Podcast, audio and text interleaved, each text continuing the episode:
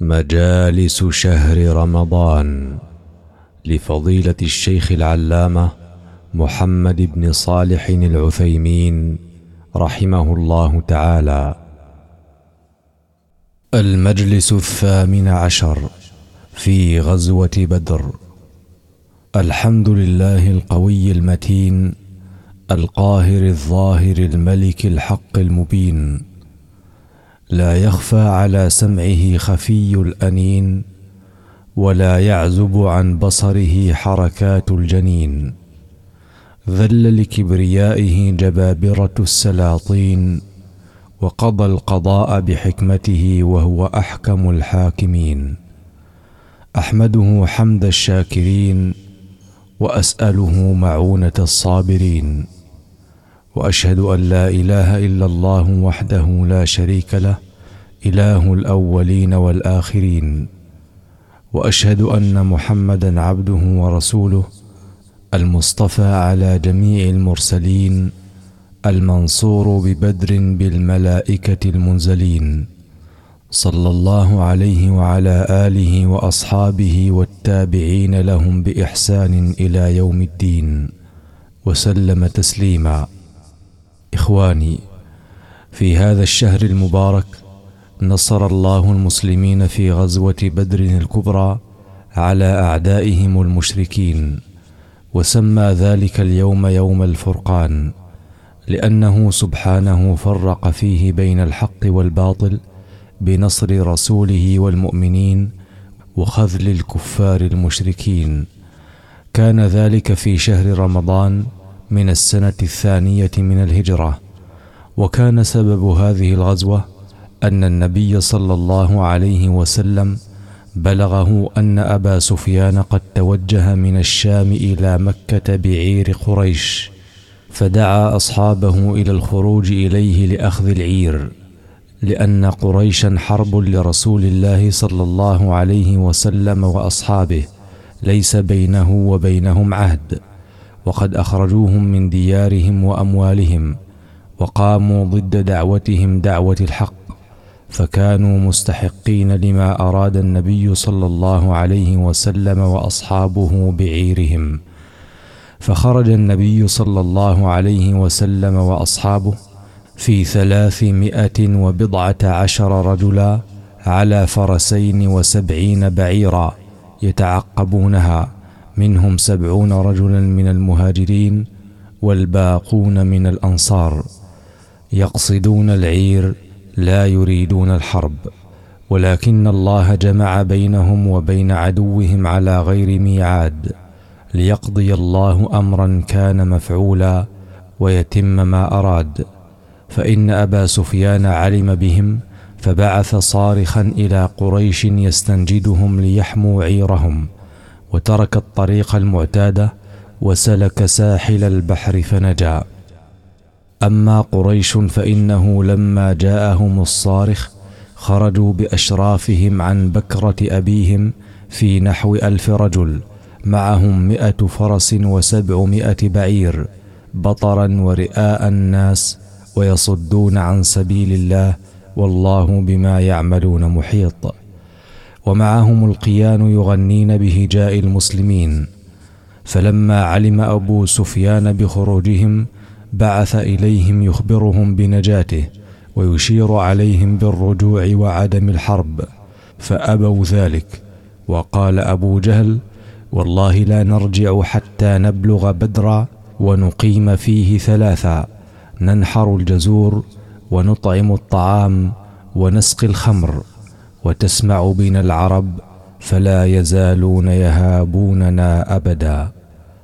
أما رسول الله صلى الله عليه وسلم فإنه لما علم بخروج قريش جمع من معه من الصحابة فاستشارهم وقال إن الله قد وعدني إحدى الطائفتين إما العير أو الجيش.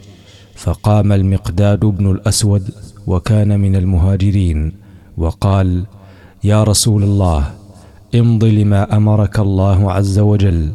فوالله لا نقول كما قالت بنو إسرائيل لموسى فاذهب أنت وربك فقاتلا إنا هاهنا قاعدون. ولكن نقاتل عن يمينك وعن شمالك ومن بين يديك ومن خلفك. وقام سعد بن معاذ الأنصاري سيد الأوس فقال يا رسول الله لعلك تخشى أن تكون الأنصار ترى حقا عليها ألا تنصرك إلا في ديارهم. وإني أقول عن الأنصار وأجيب عنهم. فاض حيث شئت وصل حبل من شئت واقطع حبل من شئت وخذ من أموالنا ما شئت وأعطنا منها ما شئت وما أخذت منا كان أحب إلينا مما تركت. وما أمرت فيه من أمر فأمرنا فيه تبع لأمرك. فوالله لئن سرت بنا حتى تبلغ البرك من غمدان لنسيرن معك. ولئن استعرضت بنا هذا البحر فخضته لنخوضنه معك. وما نكره أن تكون تلقى العدو بنا غدا. إننا لصبر عند الحرب صدق عند اللقاء. ولعل الله يريك منا ما تقر به عينك. فسر النبي صلى الله عليه وسلم لما سمع من كلام المهاجرين والأنصار رضي الله عنهم وقال سيروا وأبشروا فوالله لكاني أنظر إلى مصارع القوم. فسار النبي صلى الله عليه وسلم بجنود الرحمن حتى نزلوا أدنى ماء من مياه بدر. فقال له الحباب بن المنذر بن عمرو بن الجموح يا رسول الله أرأيت هذا المنزل؟ أمنزل أنزلك الله ليس لنا أن نتقدم عنه أو نتأخر؟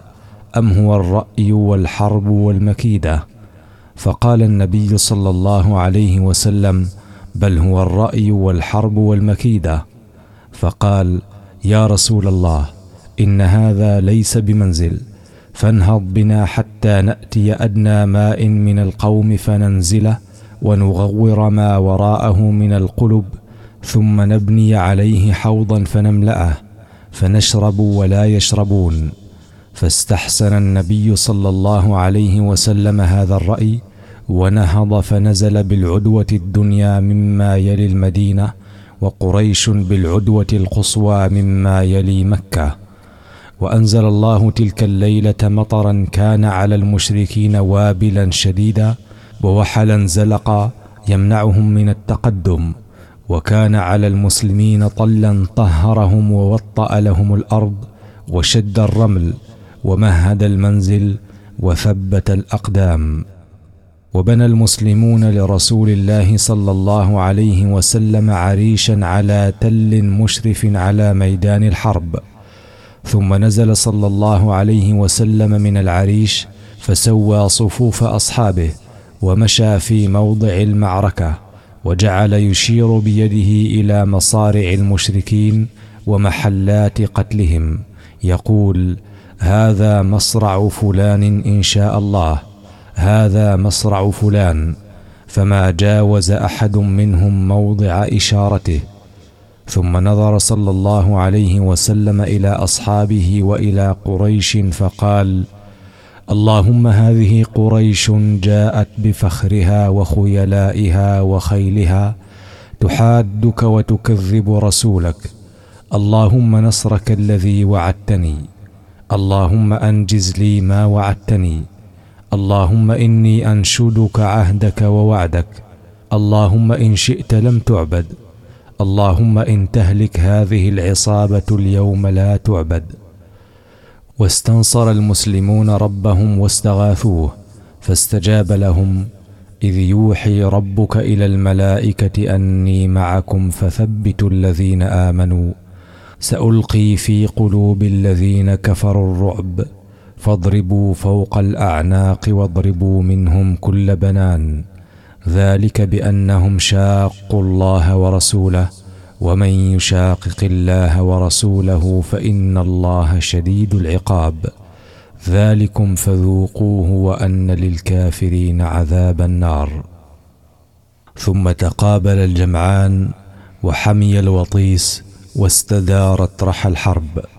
ورسول الله صلى الله عليه وسلم في العريش ومعه أبو بكر وسعد بن معاذ يحرسانه فما زال صلى الله عليه وسلم يناشد ربه ويستنصره ويستغيثه فأغفى إغفاءة ثم خرج يقول سيهزم الجمع ويولون الدبر وحرض أصحابه على القتال وقال والذي نفس محمد بيده لا يقاتلهم اليوم رجل فيقتل صابرا محتسبا مقبلا غير مدبر إلا أدخله الله الجنة. فقام عمير بن الحمام الأنصاري وبيده تمرات يأكلهن فقال يا رسول الله جنة عرضها السماوات والأرض؟ قال النبي صلى الله عليه وسلم نعم. قال بخ بخ يا رسول الله. ما بيني وبين أن أدخل الجنة إلا أن يقتلني هؤلاء. لئن حييت حتى آكل تمراتي هذه إنها لحياة طويلة. ثم ألقى التمرات وقاتل حتى قتل رضي الله عنه. وأخذ رسول الله صلى الله عليه وسلم كفا من تراب أو حصى. فرمى بها القوم فأصابت أعينهم فما منهم واحد إلا ملأت عينه وشغلوا بالتراب في أعينهم آية من آيات الله عز وجل فهزم جمع المشركين وولوا الأدبار واتبعهم المسلمون يقتلون ويأسرون قتلوا سبعين رجلا وأسروا سبعين أما القتلى فألقي منهم أربعة وعشرون رجلا من صناديدهم في قليب من قلبان بدر. منهم أبو جهل وشيبة بن ربيعة وأخوه عتبة وابنه الوليد بن عتبة. وفي صحيح البخاري عن عبد الله بن مسعود رضي الله عنه أن النبي صلى الله عليه وسلم استقبل الكعبة فدعا على هؤلاء الأربعة. قال فأشهد بالله لقد رأيتهم صرعى قد غيرتهم الشمس وكان يوما حارا. وفيه أيضا عن أبي طلحة رضي الله عنه أن نبي الله صلى الله عليه وسلم أمر يوم بدر بأربعة وعشرين رجلا من صناديد قريش فقذفوا في طوي من أطواء بدر خبيث مخبث. وكان إذا ظهر على قوم أقام بالعرصة ثلاث ليال فلما كان ببدر اليوم الثالث أمر براحلته فشد عليها ثم مشى واتبعه أصحابه حتى قام على شفة الركي فجعل يناديهم بأسمائهم وأسماء آبائهم يا فلان ابن فلان ويا فلان ابن فلان أيسركم أنكم أطعتم الله ورسوله؟ فإنا قد وجدنا ما وعدنا ربنا حقا. فهل وجدتم ما وعدكم ربكم حقا؟ قال عمر يا رسول الله ما تكلم من أجساد لا أرواح لها. قال رسول الله صلى الله عليه وسلم والذي نفس محمد بيده ما أنتم بأسمع لما أقول منهم.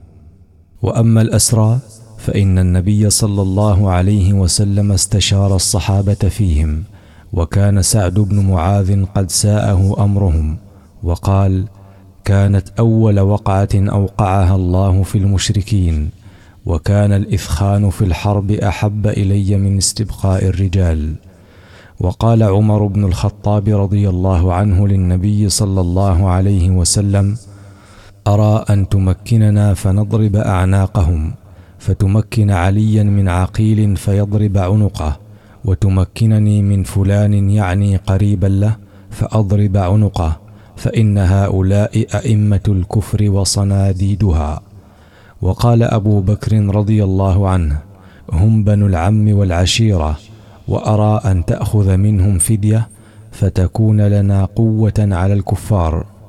فعسى الله أن يهديهم للإسلام فأخذ النبي صلى الله عليه وسلم الفدية فكان أكثرهم يفتدي بالمال من أربعة آلاف درهم إلى ألف درهم ومنهم من افتدى بتعليم صبيان أهل المدينة الكتابة والقراءة ومنهم من كان فداؤه إطلاق مأسور عند قريش من المسلمين ومنهم من قتله النبي صلى الله عليه وسلم صبرا لشدة أذيته ومنهم من من عليه بدون فداء للمصلحة.